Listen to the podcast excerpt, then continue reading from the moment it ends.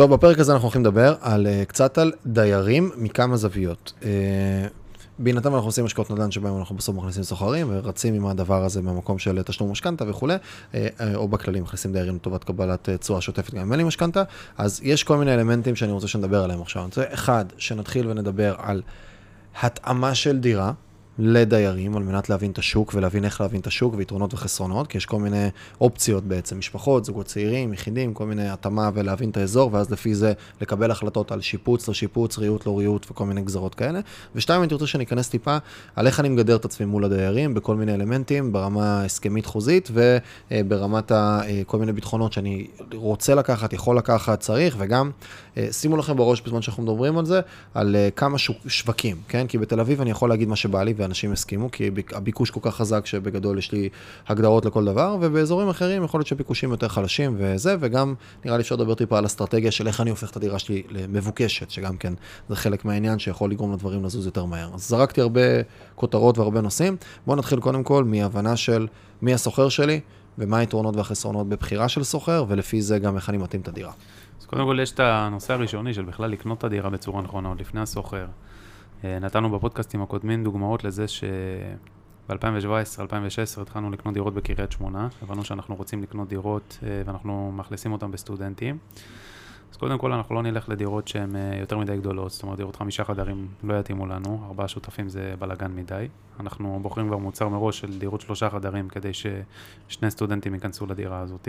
יותר קל גם למצוא שני סטודנטים מאשר שלושה בשותפות. אבל תשואה יותר נמוכה, לא? לא, לא, לא בהכרח. אה, מניסיון, התעסקות גם יותר פשוטה.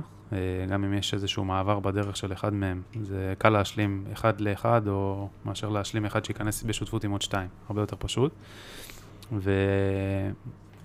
ונתנו דוגמה לזה שאנחנו רוצים להבין מי הסוחר שלנו, ואז מה, מה הצרכים שלהם. זאת אומרת, בסוף הדירה זה מוצר. אנחנו רוצים להעלות את הביקוש על המוצר שלנו מול שאר השוק. אנחנו מתחרים עם דירות אחרות שיוצאות להשכרה בתקופות שלנו. אז קודם כל להבין מי הקהל יד שלנו אומר, מתי אנחנו יוצאים להשכרה של הדירה. אם הדירה היא בבאר יעקב, שכונה של משפחות, הזמן הכי טוב יהיה לצאת להשכרה, אה, לפרסם אותה אזור אמצע יוני, חופש גדול. אם הדירה היא בקריית שמונה או באר שבע, והדירה הולכת אה, להיות מושכרת לסטודנטים, הזמן הכי טוב להתחיל לפרסם אותה זה אמצע אוגוסט, אה, סוף אוגוסט. זאת אומרת, הסטודנטים נכנסים באוקטובר, אז סייקל השני שאני אפרסם אותה זה רק בפברואר.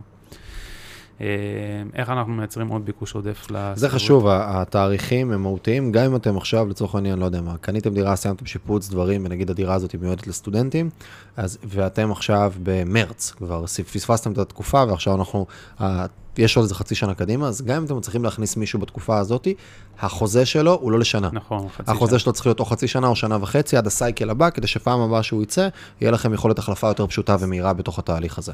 וזה תנאי שצריך, למרות שאפילו קצת יותר קשה להזכיר, זה עדיין ש... כאילו חשוב. צריך לשים לב שמלכתחילה, שקונים את הדירה, אז המועד פינוי או קבלת הנכס. לא, קבלת הנכס, צריך לפרוס את העסקה על ציר זמן, שמקבלים את הדירה בדיוק בזמן שהסטודנטים מתחילים לחפש, או אם הדירה מצריכה שיפוץ, אז חודש, חודשיים לפני, לפני כן. אוקיי. Okay. אה, דבר שני, אנחנו רוצים לייצר גם את הימי שיווק של השכירות בימים שהם נוחים. זאת אומרת, אה, אם כבר גר בנכס מישהו, אנחנו תמיד מחתימים אותו, ואנחנו יודעים שהוא צריך לצאת, אנחנו מחתימים אותו בחוזה על זה שאנחנו יכולים להראות את הנכס לצורך העניין בימי שישי. כי הסייקלים של האנשים שבאים הרבה לראות את הדירות כן. זה ימי שישי בבוקר. נכון, זה... לא עבודה וזה. בדיוק. או ערב. בדיוק. אז uh, אנחנו רוצים לייצר לנו גם מרווח לנושא הזה. וכשמגיעים הסוחרים הרלוונטיים, איך אנחנו מייצרים עוד ביקוש עודף לדירה שלנו? אז קודם כל, אנחנו תמיד מסתכלים מה הסטנדרט של הדירות בשוק, ואנחנו רוצים להרים את הסטנדרט שלנו מעבר לסטנדרט בשוק. כמה יותר? בטרפת או לא, לא, לא, לא, לא, לא חייב להיות טרפת, אבל אה, בוא נגיד, הדירה שלנו תהיה הכי טובה בשוק, אבל זה לא אומר שאני אשקיע עליה מבחינת כסף עוד 100 אלף שקל יותר ממה שמשקיעים בשוק. זאת אומרת, אם בשוק בקריית שמונה אתה תראה דירות שופצות וריהוט כזה קצת ישן, אז שלנו משופצות והריהוט יהיה חדש. אה, יש כל מיני דברים הרבה פעמים קטנים, אפשר לקחת ב... לקנות כמה תמונות אה, יפות באיקאה, ולקנות היום יש ריהוט שיודע להגיע, כאילו שהוא נראה סופר לגמרי. פיין בשקל וחצי, לגמרי. אה, ולשים אה, מוצרי חשמל שיודעים שהם צריכים, ולפעמים השם קוד סטודנטים, בגלל שיש, לא יודע מה, איזה נינג'ה או מג'י מיקס, יכולים לקחת פתאום, כאילו כל מיני כן. דברים קטנים שהרבה סוני פעמים... סוני פלייסטיישן, אופניים חשמליות. אני אתן דוגמה, בדיוק באתי לתת דוגמה לאופניים חשמליות. התחלנו לעשות עסקאות בקריית שמונה, הבנו שבאזור מסוים שהוא קצת יותר רחוק מהמכללה, הדירות נמכרות במחיר יותר נמוך, אבל אמרנו, וואלה, תשמע, הפער בשכירות, אפשר להתגבר עליו. זאת אומרת, אני יכול לייצר דירה שהיא יותר טובה, ולהשכיר אותה במחיר שהדירות שקרובות למכללה מושכרות. זאת אומרת, בסוף, להשכיר את הדירה ב-1200 שקל לחדר, במקום ב-900 שקל לחדר, בדירות שרחוקות מהמכללה. אם הדירה רחוקה, אז איך אני מתגבר על הפער הזה? קודם כל אני מייצר דירה, אין דברים כאלה, זאת אומרת, ממש ממש מאובזרת, ממש ממש טובה, ודבר שני, שמנו אופניים חשמליות בדירה. זאת אומרת, אם יש שם שני סטודנטים, שמנו שתי אופניים חשמליות, ככה שהם גם מתגברים על הפער.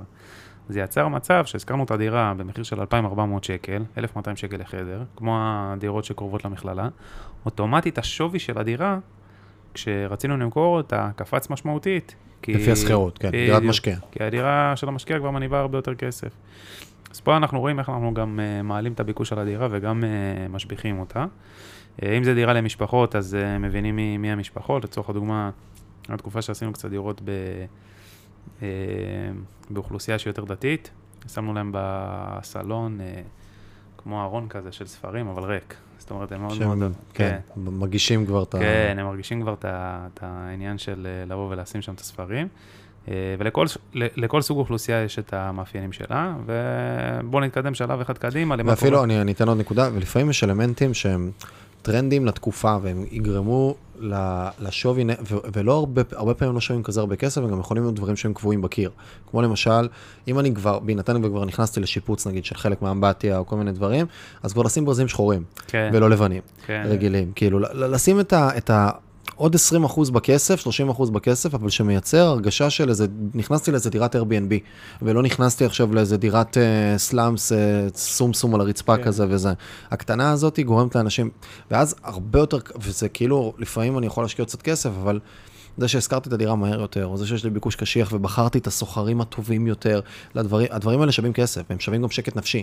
אם יש לי ביקוש עודף לדירה, בגלל שבאתי והשקעתי בה קצת יותר והבנתי מי הסוחר שהולך להיות לי, אז אני יודע לבחור את הדיירים הנכונים. ואחד מהדברים הכי משמעותיים בנדל"ן, וחוויתי את זה, בסתירות של אלוהים ישמור, אני אפילו לא, אנחנו נעשה על זה פרק פעם אחת, על מה היה לי עם אחד הדיירים, אה, איזה סיפורי אלף לילה ולילה. בחירה לא נכונה של דייר, זה יכול להיות אה, מוות בקופסה הדבר הזה, כן. באמת, זה פשוט כאילו נורא נורא נורא נורא ואיום, ולפעמים שווה את ה... חוץ מזה שאני יכול לייצר גם שכירות עודפת, וחוץ מזה שאני גם משקיע פחות זמן, זה גם מייצר לי leverage וכוח למי אני מכניס לתוך הדירה, ומה התנאים שאני מגדיר לו בכניסה לדירה. כן. כן. אה, אז קודם כל כן, וכשאתה נכנס גם לנושא של הבטוחות, אז קודם כל, אם הדירה שלנו אמרנו שאנחנו עושים שיפוץ אה, ומביאים אותה לרמה יותר גבוהה מהסטנדרט, אנחנו בדרך כלל לא גובים בשכירות יותר מהסטנדרט. לא גובה יותר? לא גובה יותר מהסטנדרט. מה שזה מייצר, עודף ביקוש על הדירה. אם דירות בבת ים במרכז העיר מושכרות ב-4,200 שקל, לא כזה משופצות, אז שלנו תהיה משופצת מאוד, והיא תהיה מושכרת גם ב-4,200-4,300, זה מייצר לנו בזה לדירה. יש לנו הרבה מאוד אנשים שרוצים לשכור את הדירה, ואז לי יש יכולת לסנן אותם. כמו בנק, א', לא מתבייש לבקש מהם אה, תלושי שכר, ועל ידי זה אנחנו מבינים כמה הם מרוויחים ומה הוותק אה, במקום עבודה. כן. ב', לבקש ערבים טובים.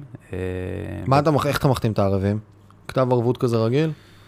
או שעושה משהו יותר? מחתימים ערבים ה... בהסכם, יש רובריקה שהם ערבים על ההסכם, ומחתימים את הערבים על שטר חוב גם, שזה שטר נפרד. דואר כזה? כן, יש את הרחוב, שיש כמה בטוחות מרכזיות שלוקחים. אתם לוקחים צ'קים מערבים? קודם כל לוקחים, כן, לא. קודם כל לוקחים 12 צ'קים, זה דבר ראשון. ברור. אה, בסיסי ביותר. לוקחים חמישה צ'קים פתוחים לרשויות, חברת חשמל, מים, גז, ארנונה, אה, כל החמישה צ'קים ועד פתוחים, בית. ועד בית. אה, לוקחים שטר חוב, מחתימים על שטר חוב 30, 40, 50 אלף שקל. את? את, ה, את הסוחר, okay. פלוס שני ערבים על השטר חוב. מה okay. זה אוקיי. אומר? זה אומר שאם עכשיו הוא עשה לי נזק בדירה של 20 אלף שקל והוא לא משלם את זה, אני יכול אה, לשים לו עיכול על החשבון בנק, ובסוף אנחנו לוקחים גם אה, ערבות בנקאית או צ'ק בנקאי, שזה כסף חי. כן, לוקחים כסף חי? כן, כן. או תמיד? צ'ק בנקאי, לא, לא תמיד, אני כבר אגע בזה. צ'ק בנקאי אה, או ערבות בנקאית של שלושה חודשים. על ההסכם חתומים שתי ערבים שחתומים בשטר חוב. ככה שזה... עכשיו, אם גם מכינים הסכם נכון, אז הסוחר הוא, הוא, הוא, נכנס, הוא נכנס לעסקה בצורה שאנחנו הכי בטוחים בה. כשאנחנו מייצרים ביקוש שהוא גבוה על הדירה על ידי הדברים שאדיר תיאר, אנחנו נוכל למצוא סוחרים שיהיו מוכנים לתת את כל הערבויות האלה, וזה מה שחשוב לנו, כי 200 שקל לפה או לשם לא יעשו אותנו עשירים בנדל"ן. מה שיעשו אותנו, ייתן לנו את הראש השקט, זה סוחר טוב שבחרנו אותו מתוך מניפה רחבה של סוחרים, כי יצרנו ביקוש קשיח לדירה, והכנסנו אותו לעסקת השכירות, כי זו עסקה לכל דבר, בצורה הכי בטוחה שיש, ושהיא נותנת לנו את הקומפורט הכי טוב שיש. למה זה, למה זה מאוד מאוד חשוב? כי בסוף אחד הסיכונים הכי גדולים של עסקת נדל"ן זה הסוחר, כי היא פרוצה לציר זמן הכי ארוך. הסיכון הזה הוא על הציר זמן הכי ארוך. הכנסנו סוחר, הוא יכול לגור בדירה שלוש שנים, מספיק שפעם אחת הוא לא משלם חודש, זה בעיה. ואנחנו גם רוצים להכניס סוחר שהוא ללונגרן, כי להתעסק עם סוחרים נכון. ותחלופה של סוחרים, אז זה בעיה, זמן. אפשר להפסיד כסף, אפשר להפסיד זמן. עכשיו, כל אזור אני רוצה רגע שתרחיב על הערבות. אה, כן, עכשיו אני מרחיב. הערבויות שעכשיו תיארתי, אה, למי שרשם, אלה הערבויות האופטימליות. אבל כן. אי אפשר לבקש אותן בכל שוק. אי אפשר בכל שוק לבוא ולבקש את הערבויות האלה. ככל שאנחנו מתרחקים לאזורים יותר פריפריאליים, האוכלוסייה יותר חלשה, וזה פחות מקובל לתת ערבויות כאלה. הערבויות שעכשיו תיארתי, כמעט על כל דירה שנייה בתל אביב, אלה, אלה ערבויות. נכון. תל אביב, יש ביקושים קשיחים. פאקינג שמנו 54 אלף שקל ערבות בנקאית, כסף כלוא, כסף חי. כן, כסף חי שאתה לא מרוויח עליו כסף, נכון? אז, אז בתל אביב, כולם נותנים ערבויות, אוכלוסייה חזקה מגיעה לשם, חתך סוציו-אקונומי גבוה, ביקושים. לא צריך, אתה בא לראות דירה בתל אביב. ארבע דקות לא לקחת, אתה כבר בחוץ. מה זה לא לקחת? אין לך את האפשרות לקחת. כן. אני, אני, אני, אני אה, הייתי שוכר דירה בתל אביב הרבה זמן, אחרי זה עברתי לגבעתיים. עשיתי איזה סיבוב בתל אביב לנסות לתפוס דירה, לא משנה לאיזה תקציב הגעתי ואיזה מספר, אתה מגיע, 30 אנשים לפניך, אתה רושם את לא, השם שלך. לא, בדירות היקרות זה פחות. גם בדירות של 12-13 אלף שקל צפונה, אתה מגיע, יש 20 אנשים בדירה. כן? מראים אותם בציר זמן מסוים, אומרים לך תבוא בין 5 ל-7, אתה מגיע, אתה רואה מלחמה על הדירה, גם בדירות היקרות, לא הגעתי לדירות של ה-30 אלף, אבל אה, כן. בדירות של ה-12-13 זה מה שהיה, ו... ושם המשכירים, זה ה... יש להם לגיטימציה לבוא ולבקש את כל הערבויות האלה. אם אנחנו מתרחקים, אלה לא הערבויות שאנחנו יכולים לבקש, אז במקום כסף חי, שזה צ'ק בנקאי, צ'ק אני פתוח. אבקש צ'ק אה, פתוח או צ'ק עם סכום שהוא נקוב על סכום מסוים. אבל עקרונית אסור לך על פי חוק להשתמש בו. איך? אסור לך על פי חוק להשתמש בו. מאיזה בחינה? שאם עכשיו הדייר עשה משהו, אסור לך להפקיד אותו. אתה צריך אה, בוררות שמה בוררות, או מבית משפט, או whatever. תשמע, אם עכשיו הדייר בסוף ביטל לך צ'קים, אה, הדייר לא שילם, הצ'קים שלו לא עברו, אז יש לך פה עוד בטוחה שאתה יכול בסוף להפקיד אותה. אתה יכול להפקיד אותה, אתה גם יכול לקחת צ'ק מהערב, אתה גם צריך לציין את זה בהסכם. צ'ק מהערב זה יותר קשור, איזה... אבל זה משהו שהוא, כאילו, שהוא כן חכם. אתה, אתה יכול, אתה צריך לציין גם בהסכם באיזה מנגנונים אתה מפקיד את הכסף. אתה לא יכול מחר בבוקר לבוא ולהפקיד. אתה מציין באיזה מנגנונים אתה מפקיד את הכסף. זה דברים שצריך לפרט אותם, ולא להקל ראש, לא לקחת איזשהו הסכם מגוגל. לגמרי. ו... כי זה בסוף הסיכון הכי גבוה, מספיק שסוחר אחד מתבצר בדירה, לא משלם שלושה חודשים. בואו, יורד לכם משכנתה מנגד, יש משקי בית שקנו דירה להשקעה, לא יתכננו את זה. כן. זה בלטם, זה עוד 5,000 שקל מינוס בחודש. בשנים האחרונות נכנסו גם לתחום אה, חברות שמבטחות את הצ'קים. וויצ'ק, דיפרנט, אה, יכול להיות שיש אפילו עוד איזה חברה או שניים. איך אתם איתם? אני, יצא לי לעבוד איתם, יצא לי גם לקבל מהם כסף. כן? זה דירה בקריית שמונה, פעם אחת הכנסנו שתי סוחרות לדירה בקריית שמונה, אחרי חודש הם רבו. כאילו, זה, זה הבעיה גם שאתה מתעסק עם אה, ילדים, סטודנטים. כן. פתאום יכולים לריב לך. על זוגות מתגרשים. לא לריב ומה, ולא שילמו? גם בדירות שאחרי 12. אחת עוזבת הבית, ולך תסתדר איתה עכשיו, אתה יודע, עכשיו, אני, יש לי את הצ'קים, אתה בא להפקיד, מבטלים את הצ'קים, עזוב שזה לא חוקי, תיקח לבית משפט וזה, אתה כן, תקבל בסוף את הכסף. תיקח ילדה שמשלמת לך 1,600 שקל לבית משפט. לא בא לך עכשיו לטיול הזה, גם לך עכשיו תצא לטיול הזה. זה גם הליך פינוי מזורז, הוא לא מזורז. צריך להבין את החרא הזה. יש הליך פינוי מזורז, סליחה לצרפתית, ש, שאני, שאני יכול עכשיו להוציא את הדיירים, אז אני, זה פחות או יותר שלושה חודשים לא, זה לא מעניין, הם בחוץ. הדיירת בחוץ, פשוט לא, לא משלמת. עכשיו, אם, אם היא בחוץ בנובמבר, זהו, אתה עכשיו עם הדירה ריקה כמה חודשים, כל מי שהיה צריך להיכנס לדירה בשכירות שהוא סטודנט נכנס. אז היא ביטלה את הצ'קים? אז היא ביטלה את הצ'קים, אבל היה לנו מנגד מזל, התחלנו לעבוד באותו זמן עם אחת החברות האלה. אה, הם ביטחו את הצ'קים, בגלל שהם אישרו את החוזה וכולי, הם הפקידו לנו את הכסף. והם התנהלו מול המשפטית. והם התנהלו מול המשפטית. על איזה סכום? אני חושב שאני שנתיים וחצי אחרי זה עדיין מתנהל, תבין את הבתי משפט בארץ. איזה נורא זה, זה נורא, זה נורא. מה, מה עם הטריק של הבית דין רבני? ניסיתם אותו? Uh, פעם אחת רציתי להריץ אותו. Uh, לא הייתי עם סוחרת שהיא הייתה דתייה, היא נחרדה מזה ברמה, איכשהו אז ירדתי מזה. אה, מה, בחוזה אתה מדבר, או לנסות כן, לקחת כן, אותה לשם? כן, כן, שהיא רק ראתה את זה תסביר מה זה קודם כל, מיכאל. כן, אפשר להכניס בטיוטת אה, זה, שכל אה, דיון משפטי יתנהל בבית דין רבני בתל אביב, נגיד. כאילו הבית דין רבני יותר זמין, אתה יכול לא, להגיע לא, תוך לא שבועיים, שלושה חודש. זה לא רק זמין, גם בית דין רבני הוא בעד בעל הנכס. כשהבית דין, בית משפט האנגלי, שכאילו הבית משפט הישראלי שבנוי על היהדות כאילו, ועל הבית משפט הבריטי, על המשפט הבריטי, אז הם הרבה יותר פרו ההגנה גם, איזה סוציאליזם מסוים בתוך התהליך הזה. הגנת הדייר. אז הבית דין רבני זה כאילו, יאללה, חביבי תחפף, מה אתה יושב אצלו בבית? בית שלו, מה אתה לא משלם, אתה רוצה להמשיך לשבת? תלך, מפגר. אבל לא יצא לי, האמת שזה בחוזים אצלי. כן. וכל פעם שואלים אותי שאלה על הזה, ואני אומר, כן, אני לא, זה לא עניינים דתיים, זה עניינים פשוט של זמינות של המערכת המשפטית וזה. לא יצא לי לאכוף את זה, אבל אה, זה יכול להיות, אה, כאילו, בא לי לאכוף את זה סתם לראות מה קורה, כאילו, להגיע לזה. כן. איך תאכוף את זה? לא, אני אכניס מישהו שיזיין אותי. תכניס חבר, תגיד, את הצ'קים. נבדוק את זה. בוא נראה מה קורה. שעשע מאוד. זה אמור לתפוס, כאילו, זה... למרות שלא עשיתי את זה, לא נראה לי גם אעשה את זה, אבל בסדר. אוקיי. תעבוד בשיטה שתיארנו פה ולא תצטרך להתעסק עם פסיכולוגים בעתיד. אני בטיפ שלי, האישי לפחות, בסדר, גם מהניסיון שלי, אם אתה מתרחק והולך לפריפריה ומתחיל להתעסק עם אוכלוסייה שהיא... ילדים נקרא לזה, ה-28 ומטה, אני הייתי מבטח את השכירויות. כמה זה עולה לי? אה, שניים, שלושה אחוז לצ'ק, משהו כזה. לא נורא. שווי שלו. לא, כן. לא, לא נורא. לא נורא כן. בכלל, שווה את זה לשקט הנפשי. כן, אה, יותר בגוש דן, יותר קל לך לתפוס סוחר יותר עמיד. אני אגיד אבל כן משהו, שוב, כל אחד החליט לעצמו עם ההחלטות. אני ממש מוכן לשלם 200 שקל פחות, אה, לקבל 200 שקל פחות, ולהביא עוד מנגנוני ערבות כאלה או אחרים שגורמים לבן אדם בתוך ה... זה, זה קריטי. שאגב, יש היום כבר, אני לא יודע אם להגיד... טרנד, אבל כבר השוק מתיישר לשם, שבמקומות כאלו שהסוחרים יותר, אה, אה, נקרא לזה, מקשים עליך, אלה הם ערבים וכולי, אתה אומר להם לעשות את הביטוח הזה. הם סופגים את זה פשוט. אה, זה לא רע. כן. לא רע, אתה, אתה לא רוצה ערבות, אין בעיה, תפתח לעצמך את הצ'קים, כן, סבבה. ואז אני סבבה עם זה, אין לי בעיה. אה, לא רע. כן. זווית יפה. כן. זווית יפה. מה קורה עם מישהו שלא רוצה לצאת? טוב, זה שיטות. עונים לעומרי. לא, בית משפט. ברור, בית משפט, ברור. אתה אומר לא לפודקאסט. אפשר להשכיר את הדירה למישהו נוסף שייכנס לדירה ויגור איתו. איזה בוריס אתה אומר. אולי לאיזה ארבעה נוספים במכה. כן. איזה בוריס אתה אומר. עד שהוא יהיה מותש ויצא מהדירה. כן. אם הוא בהפרת חוזה, הרי החוזה שלו לא בתוקף, לא? כן, אבל זה חתיכת בעיה, כי אתה לא יכול להוציא דייר בארץ. לא, באמריקה זה חודש ימים. שריף מגיע, ביי. למזלנו לא קרה לנו. אה, אני הייתי ממש קרוב, היה לי דייר, שלא שילם לי כבר איזה ארבעה חודשים. וזה, וגם כאילו... עברת הרבה עם דיירים, אה? אני, כל, כל בור שאפשר להיכנס אליו, אני אומר, ראש אחי, אני קופץ ראש, אני גם, אני גם לא נופל לזה. אומרים לו, לא, לא, לא, קופץ. אחת הבעיות שלי בחיים זה שאני זז מהר בהרבה חזיתות במקביל.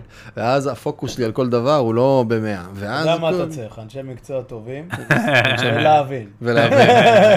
אני מבין דרך טעויות, ככה אני לומד הכי מהר, זה דרך עשייה וטעויות. אז אה, הוא לא שילם איזה שלושה או ארבעה חודשים, אה, ומה שעשיתי, כבר הייתי שם כבר בבדיקה, כבר ללכת לכיוון. עכשיו אמרתי, טוב, יש פה טיול ככה. אם, אני לא זוכר בדיוק את כל המספרים, אבל אם אני זוכר נכון, זה תוך 60 יום אה, מגיעים פחות או יותר לבית משפט, בהליך פינוי מזורז, ואז מהרגע שהוחלט שפינוי, לוקח עוד 60 יום, עוד 60 יום, 90 יום. בסך הכל זה תהליך של בין 4 ל-6 חודשים. אז אמרתי, טוב, הוא כבר פתוח אצלי על איזה 12,000 שקל.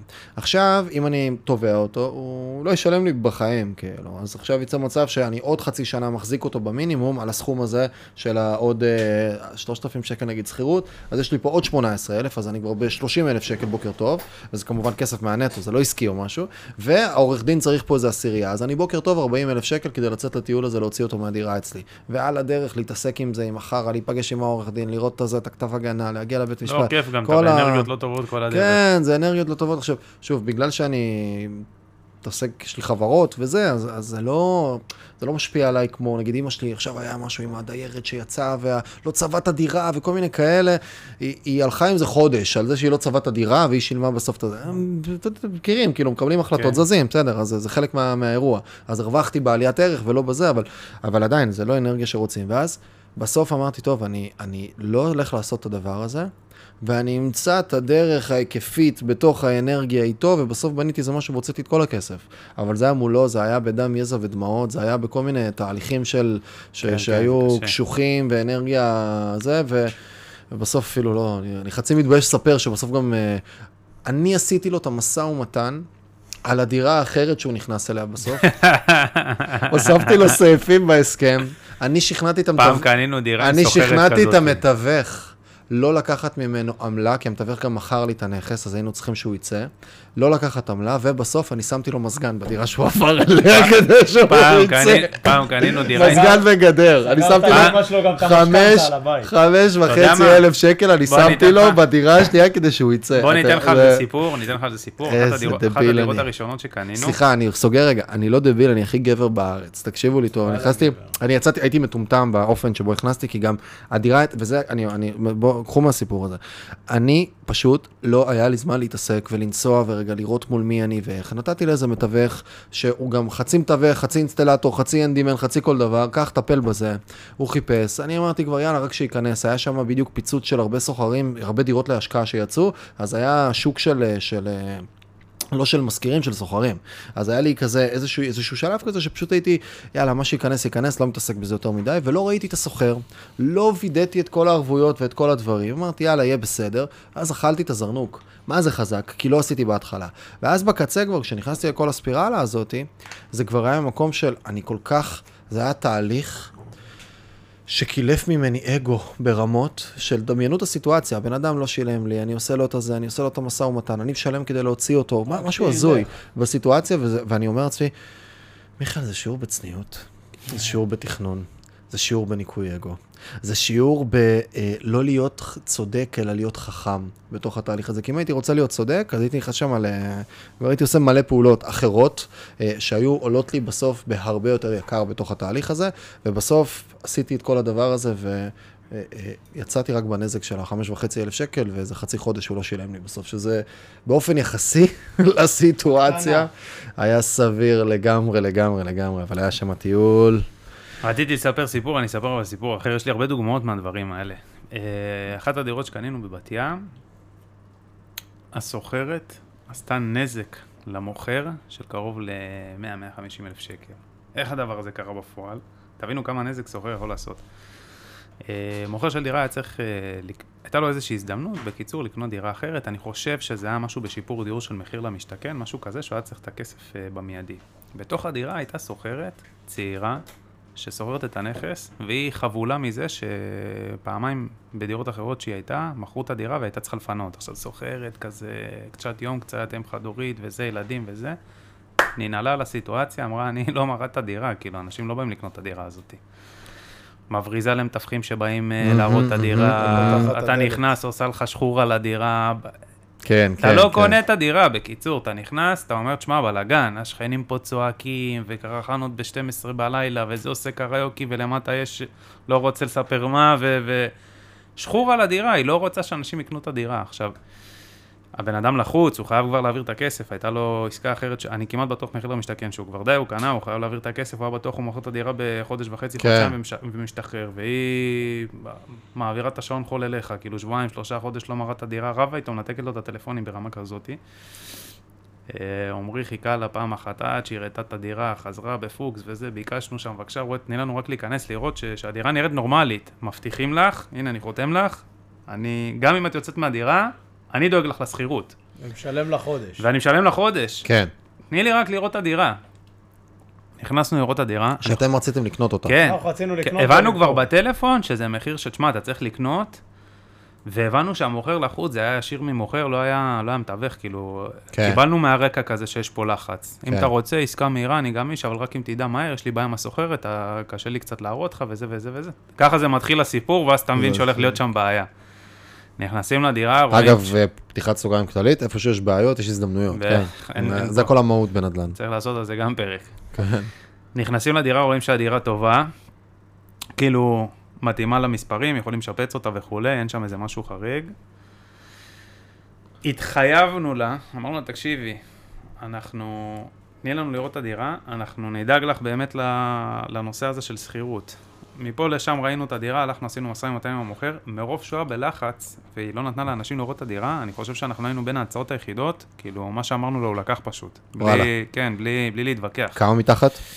היינו גם באזור ה-250 אלף שקל מתחת לשוק, 220 אלף שקל מתחת לשוק. הוא לא הצליח למכור אותה כן. הרבה זמן. הוא, לא, הוא היה תקוע איתה ממש. כן, ממש.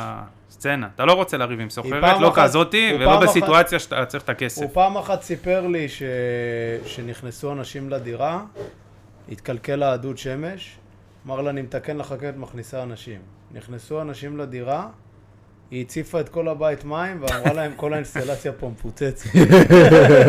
בעייתית, אין, כאילו מקסימום, וראינו אנשים כאלה. אתה יודע מה היה לי? סיטואציה. לי היה... תקשיב, רק אני אסיים את הסיפור, קנינו בסוף את הדירה, אנחנו עזרנו לה למצוא דירה חדשה, ושילמנו לה חודש ועוד הבאנו לה דברים לדירה החדשה. כן. כאילו, קצת אביזרים. אתה מבסוטה עלינו. אתה מבסוטה בסוף, אבל תבין איזה נזק. ברור. סוחר, לא טוב, יכול לעשות לך. זה... כן, קנינו אותה גם, להערכתי 200-250 אלף מתחת לשוק, זה הרבה. אנשים זה פשוט... לי היה קטע עם חברת חשמל שם, שהייתי גם חמור, יצאתי, שוב, הכל כזה על ה... בגלל שהרבה דברים, אז אני לא, ת, ת, הרבה פעמים לא סגרתי פינות עד הסוף. אז בהחלפת דיירים, אה, לא, ההחלפת חשמל משהו וזה היה, שזה, ואז פתאום הוא לא, הוא לא שילם חשמל איזה כמה חודשים, ואז היה חוב. ואז בשלב חברת חשמל מתקשרת אליי שאני אשלם את החוב, ואני אומר להם, איזה חוב? חברה, לא, לא שילם חשמל וזה. אומרים לו תשלם, הוא אומר לו, באותו רגע, חושבים בחברת חשמל, אה, חבר'ה, זה לא אצלי, מבחינתי, כאילו אם יש חוב, תנתקו כרגע. ניתקו את החשמל. לדייר החדש? לדייר החדש. תוך ארבע דקות הוא מתייצב בצעקות בטלפון, מה שצריך, וזה, חם לי, חם לי, הוא מתחיל לצרוח על הזה. ארבע דקות. עשית לו שיטת צ'יצ'ני. הגנת אותו בדירה בקיץ. חיבית לו את המזגן, הנה, רצית שיטות, איך מוצאים את ה... וואי וואי, תוך ארבע דקות הוא שילם את ה... אתה יודע מה, זה עוד עניין, אתה צריך לקבל, גם לנו זה קרה, סיטואציה דומה, לי לפחות, זה קרה סיטואציה דומה, אה, אתה צריך לוודא שהם סגרו חובות בכל הרשויות. לגמרי. אתה לא מחזיר להם את הצ'קים. לא מחזיר להם את הצ'קים עד שהם לא מביאים לך אישור, אסמכתה בכתב, שהם סגרו חובות. אה, גם חשוב. הייתי, כאילו, צריך צ'קליסט, אה, שיהיה לכם צ'קליסט החלפת דייר כזה, של לוודא את כל הדברים האלה, של החליפו... כן, אסמכתאות מהגופים. זה, כן, כן, כן, זה גם שיט, שצריך להיות בו... זה... עכשיו, אחת הבעיות בו, שאם יש לך דירה אחת, אולי שתיים, אתה עושה את זה מקסימום פעם בשנה, לפעמים אפילו שנתיים, כי הדייר לא מתחלף, אתה שוכח מה צריך לעשות כן. בתוך התהליך הזה. אז צריך כבר, כשעושים את זה בפעם הראשונה, וגם לא להתעצל, לחפש רגע בגוגל, מה עושים החלפת דייר, ולהוציא את הפרמטרים ואת הדברים בתוך, ה, כן. בתוך הדבר הזה.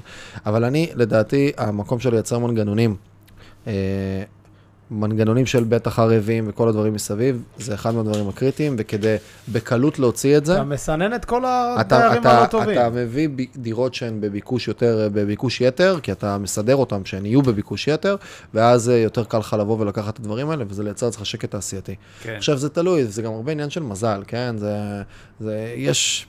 לא יודע מה, אנשים שלא עושים שום דבר, ונכנס להם איזה משפחה, וגרה שם שש שנים, והכל תות כן. שדה וזה. אה, ויש לפעמים שלא, שזה תלוי, והרבה פעמים שיש תשואה עודפת, אז יש גם קצת יותר עבודה כן, בהקשרים האלה. מה זה מזל? זה עניין של המנגנונים שיש לך, ואתה בסוף רוצה להקטין את הסיכויים שלך כמה שיותר, כדי שלא יקרו לך תקלות. עכשיו, אם עשית הכל לפי הספר, הקטנת את הסיכויים, ועדיין קרה משהו, אז לא היה לך מזל. לצורך הדוגמה עם הערבים, מה, מה הפסיכולוגיה של הערבים? הרי בסוף, אם אתה מביא דייר, שאף אחד לא מוכן לחתום עליו ערבות. ברור. אז אה, בוא, אז כנראה לא סתם אף אחד לא מוכן לחתום עליו ערבות. לנו היה איזה דייר שרציתי להכניס, שהוא לא עבר לי בגרון. לא, לא עבר לי בגרון. אמרתי, זה בחור שיכול להיות בעייתי. אתם עושים בדיקות רקע, BDI, עניינים, דברים? לפעמים, כן, אנחנו מוצאים uh, מוויצ'ק. מוצאים אה, כמו, איך זה נקרא? כמו שוויצ'ק מוציאים, אה, דוח אה, דירוג אשראי. יש לך את הקרדיט הזה שיש לך בבנקים, שבן אדם יכול להוציא גם אם הוא בא לקחת משכנתה, כן. שלוש שנים היסטוריה בנקאית, צ'קים שחזרו וזה, אז אנחנו לפעמים מבקשים את זה. אתה יכול להוציא את זה ו... ולראות על הדייר, כאילו, מה יש לו לפעמים גם במצבים מסוימים גם מבקשים ר"פ. רישום פלילי, לראות מה הרישום פלילי של הבן אדם. אפשר, אין סוף לבדיקות, אבל... כן. תלוי בעיר. נג, כן, זה תלוי בעיר. נגיד עכשיו, אם אתה בא ואתה מבקש uh, ערבים, היה לי דייר שביקשתי עליו ערבים, הוא לא רצה, לא, הוא היה בעייתי ובסוף חשדתי שהוא בעייתי ובסוף לא, החלטתי לא להכניס אותו לנכס. מתקשרת אליי האקסית שלו, היא אומרת לו, תקשיב, זה בחור טוב. ו... אמרתי, קודם כל, אם הוא בחור טוב, למה אתה האקסית שלו? אז היא אמרה לי שלא הסתדר, ואמרה לי שהיינו שבע שנים ביחד. אמרתי לה, אין בעיה, אז תבואי, תחתמי עליו. יצאתם בסוף? לא. מתאים לך בסוף לצאת שם לדייט, לסגור אותה לדייט.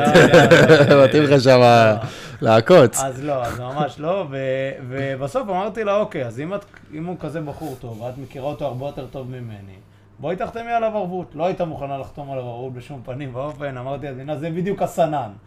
זה בדיוק הסנן, כן, ולא לא הכנסנו אותו בסוף. לגמרי. רציתי לשאול עוד שאלה, ואני לא זוכר מה היא הייתה. כנראה שהיא לא הייתה חשובה. לא, לא, הייתה, למה אתה... למה אתה מקטין? למה אתה מקטין? לא, זה למה האנשים המעצבנים. כאילו, למה אתה מקטין? מה עם אופציה? של אימא. איך אתם אה, מתקפים, לא מתקפים אופציה? אף פעם לא שם אופציה. אתה לא נותן להם אופציה? אף פעם.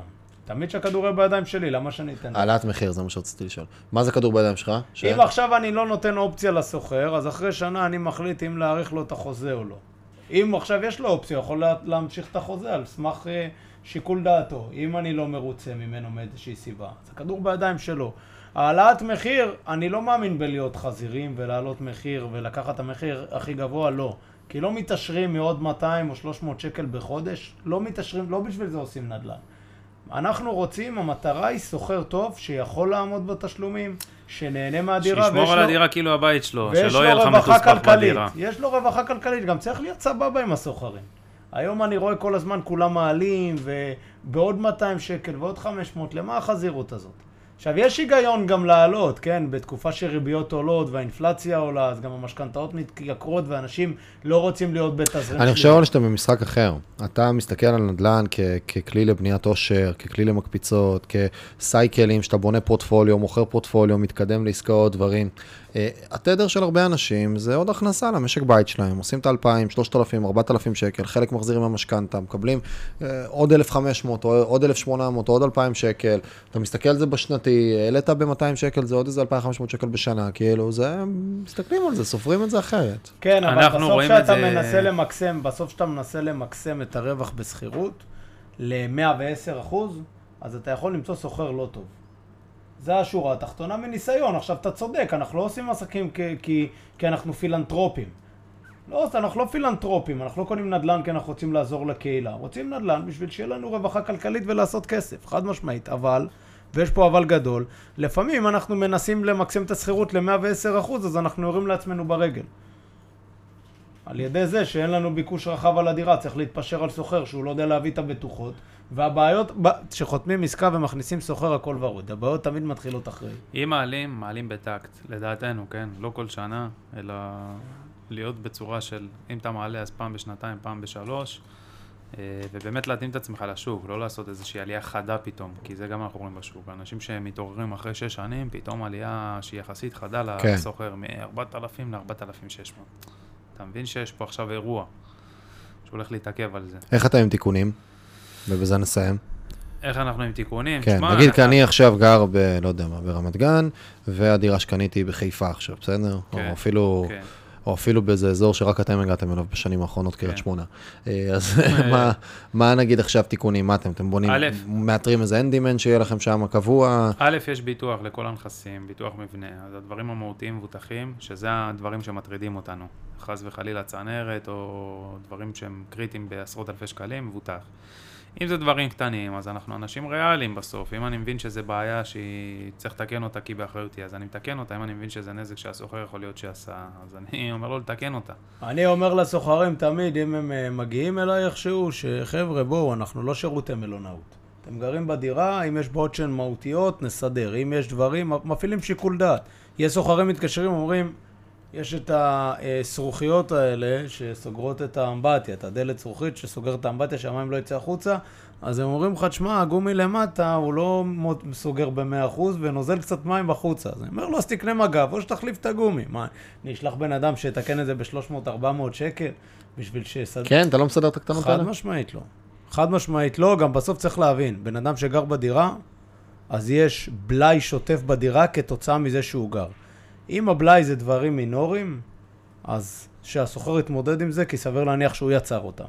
אם זה דברים שהם מהותיים, אז צריך לסדר. אינסטלציה עכשיו... אנחנו. אנחנו. אם זה, אם זה סתימות, אם זה סתימות, אז... קנה אה, פומפה יא מניאק? לא יא מניאק, אבל כן, שתפעל את זה אתה, כי בסוף אם הוא זורק אוכל לאינסטלציה... שים יוטיוב על אה, איך פותחים סתימה. כן, מה, גבר צריך להיות גבר, שיפתח את הסתימה. הבנתי. מה הדבר הכי גדול שתיקנתם בדירה?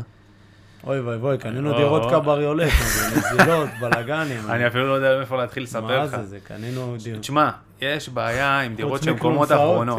יש בעיה עם דירות שהן קומות אחרונות. היום אנחנו יודעים לבדוק את הגג לפני שאנחנו קונים את הדירות האלה, ולגבות את עצמנו עם אה, כל מה שצריך, זפת, זה זה זה, יריות בטומניות וכולי. פעם לא היינו יודעים את זה.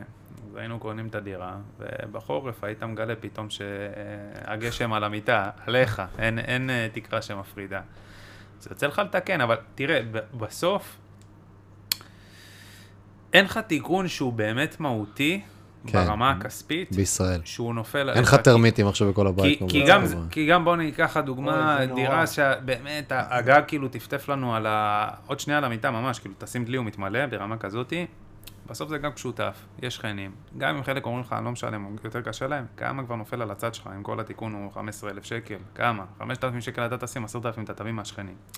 אם יש תיקונים אחרים שהם סופר מהותיים, אז הביטוח. עכשיו, לא שאני אומר שזה לא כסף, אבל בסוף, זה לא משהו שברמת הסתכלות שלנו, ייתן לנו לא לישון בשקט, יפה, או, אני אגיד... זה לא ביטקוין, של החיים. זה לא ביטקוין שצונח ב-70 כן, אחוז, בקיצור. אני, לא... אני אגיד רגע אמירה, ובזה נסיים.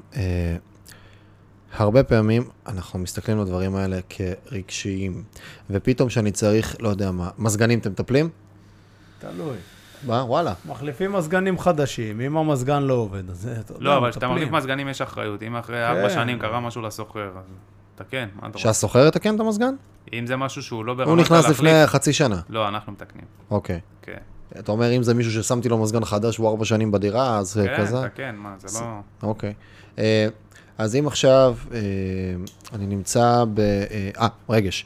המקום הזה בעצם, הרבה פעמים כשאנחנו מסתכלים על, על פתאום איזושהי הוצאה מסוימת, בסדר? פתאום עכשיו, לא יודע, הלך מזגן, שמים מזגן חדש, נגיד, וזה עולה 2,500 שקל עכשיו לתהליך הזה.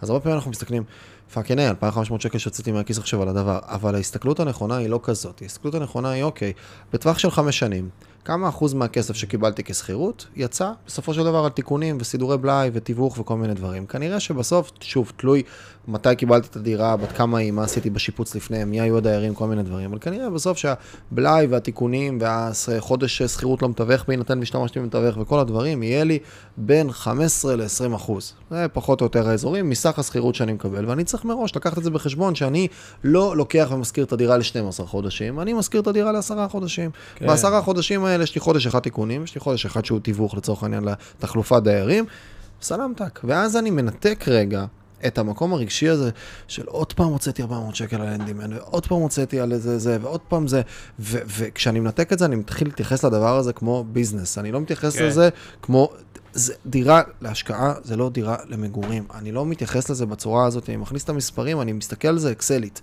כן, אני לא מסתכל על זה, זה, וזה ממש ממש ממש חשוב בתוך התהליך הזה. אני ממליץ, אני ממליץ מעבר לכל מי שקונה דירה להשכרה והיא מוזכרת, שיפתח פק"ם, שהשם של הפק"ם יהיה הכתובת של הנכס, ופשוט יעביר לשם 100 שקל בחודש. 50 שקל בחודש, שיצבור 600 שקל בשנה לבלאי. לגמרי, 600 זה מעט, אבל כן, לדעתי, אבל כן. כן, 100 אה, שקל בחודש, 1,200 שקל, אתה יודע מה, היה לי דירות שהחזקתי 3-4 שנים וגם לא עלה לי שקל לתקן אותן. תלוי מה אתה קונה, איך אתה משפץ, אם אתה קונה מקבלן אז בכלל יש אחריות על הכל. ואז המאה שקל האלה הופכים לחופשה בחו"ל אחרי שנתיים. כן. בסיני, 100 שקל, מה אתה לוקח אותי בסכום הזה? מסעדה, מסעדה עם בקבוק יין. למה? מסעדה עם בקבוק יין. גלילי לוקח למסעדות טובות, אבל הוא לא כן, פראייר. בגלל זה אמרתי, למסעדה עם בקבוק יין. רק בשר. תלוי אבל, אה, תלוי איזה צבע שיער יש לך. כן. זה לא אותנו הוא לוקח למסעדות טובות. למסעדות טובות הוא לוקח... רגע, לא היית מרוצה מהמסעדות שהיינו אני ואתה? מה זה מסעדות? למה אתה מדבר ברבים? פעם אחת הזמנת אותי למסעדה, אתה רץ על הדבר הזה כבר לא יודע כמה פעמים.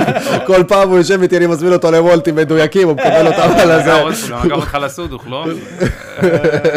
לקחתי לשווארמה פה למטה. פעם אחת אתה מזמין אבל הוא מפנק, הוא אומר לשווארמה, אומר לו, שים לו גם חתיכת שומן למעלה, הוא מפנק, גלילי, שם לך קצת אה, חצילים בצד. יופי, יאללה, חלאס, דיברנו מספיק על הדבר הזה, וזה היה שיעור אה, חשוב בהקשר הזה. יאללה. אז מה הכי חשוב? להבין, ולתת בראש גם, תנו בראש. לתת? עוד פעם אתה, תנו בראש, תצליחו. הילדים מקשיבים לזה, אתה כל היום. יש לך ראש כחול, אתה... תעשה איזה ראש כחול. תקשיב, הוא לא רגוע, גלילי, הוא לא רגוע. צריך, אני פונה עכשיו לכל המאזינים והמאזינות. הוא צריך אישה טובה, לבנות איתה בית.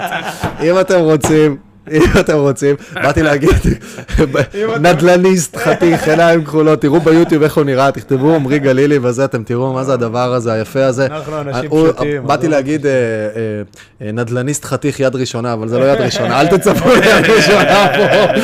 יד 2222, הוא מחכה לכם פה, אישה טובה, חיבורים יתקבלו בברכה. יאללה ביי.